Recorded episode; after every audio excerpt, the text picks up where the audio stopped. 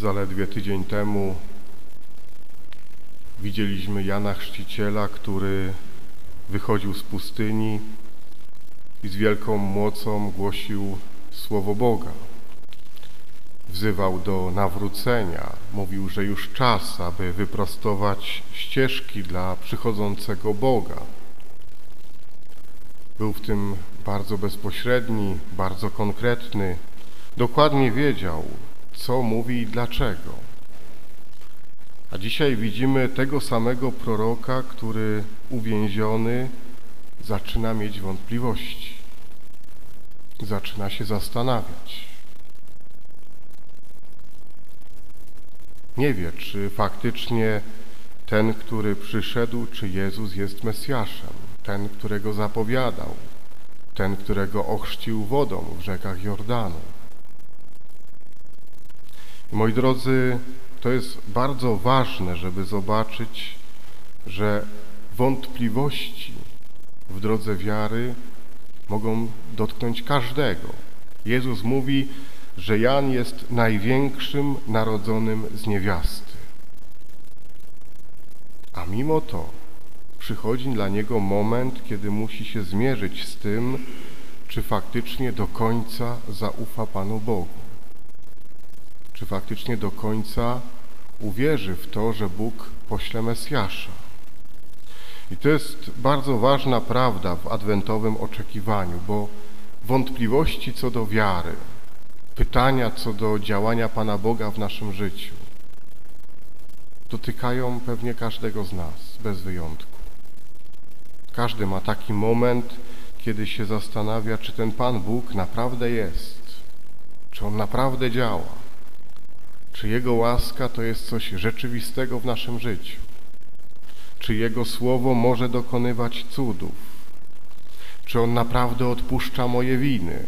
Pozwala mi zapomnieć, iść do przodu? Takich pytań w naszym życiu może się pojawić bardzo wiele. A dzisiejsza Ewangelia nam pokazuje, jak sobie z tym radzić. I to pokazuje nam to sam Pan Jezus. To jest znamienne, że nie poszedł powiedzieć o sobie Janowi, kiedy przyszli jego uczniowie. Nie powiedział to, poczekajcie, ja pójdę z wami, pokażę się Janowi w więzieniu, powiem mu, kim jestem, będzie mu łatwiej wytrwać. Nie zrobił tak. Nawet uczniom nie powiedział, Idźcie i powiedzcie Janowi, że ja jestem Jezusem Chrystusem, Mesjaszem, którego posłał Bóg. Niech się nie martwi. Niech wierzy. Nawet tego nie zrobił. Powiedział im, otwórzcie oczy, zacznijcie słuchać i powiedzcie Janowi, co zobaczyliście i co usłyszeliście. I to jest sposób na wątpliwości. Najpierw trzeba samemu się dobrze rozejrzeć w świecie, w którym żyje, żeby zobaczyć wszystkie te miejsca i te momenty, gdzie Pan Bóg działa swoją łaską, gdzie dokonuje cudów. W historii chrześcijaństwa na tej przestrzeni dwóch tysięcy lat jest tego całe mnóstwo. Jest bardzo wiele miejsc i sytuacji i ludzi, w których Pan Bóg dokonał cudu właśnie przez Chrystusa, właśnie przez Jego Słowo, Jego imię. I to jest pierwsza rzecz, umieć to dostrzec, ale druga bardzo ważna, to jest to, żeby umieć słuchać świadków tego. Jan w więzieniu musi zaufać tym, którzy przyjdą i powiedzą mu, widzieliśmy,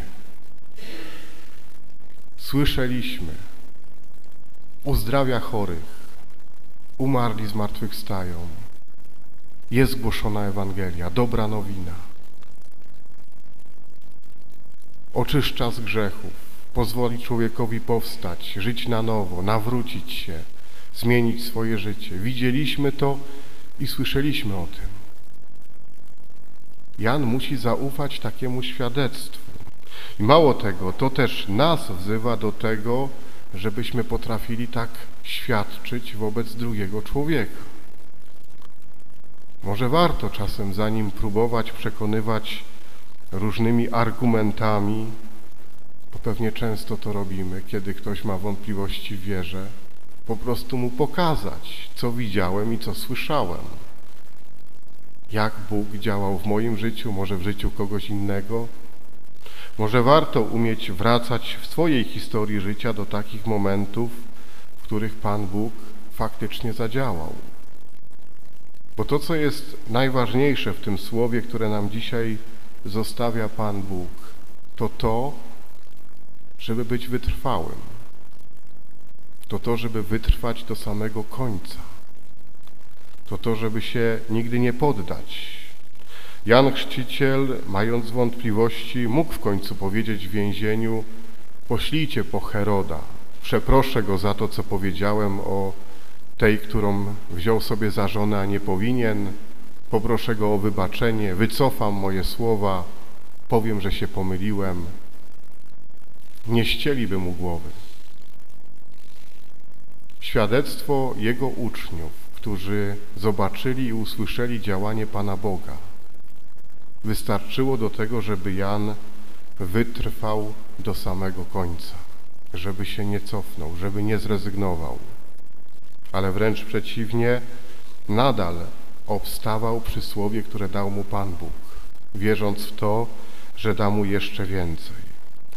Adwent to czas, kiedy z jednej strony oczekujemy przyjścia Chrystusa, ale z drugiej strony potrzebujemy nieustannie łaski do tego, aby wytrwać. Rozglądanie się, wsłuchiwanie się w wydarzenia, w historię ludzi, którzy przeżyli takie bliskie doświadczenie Pana Boga.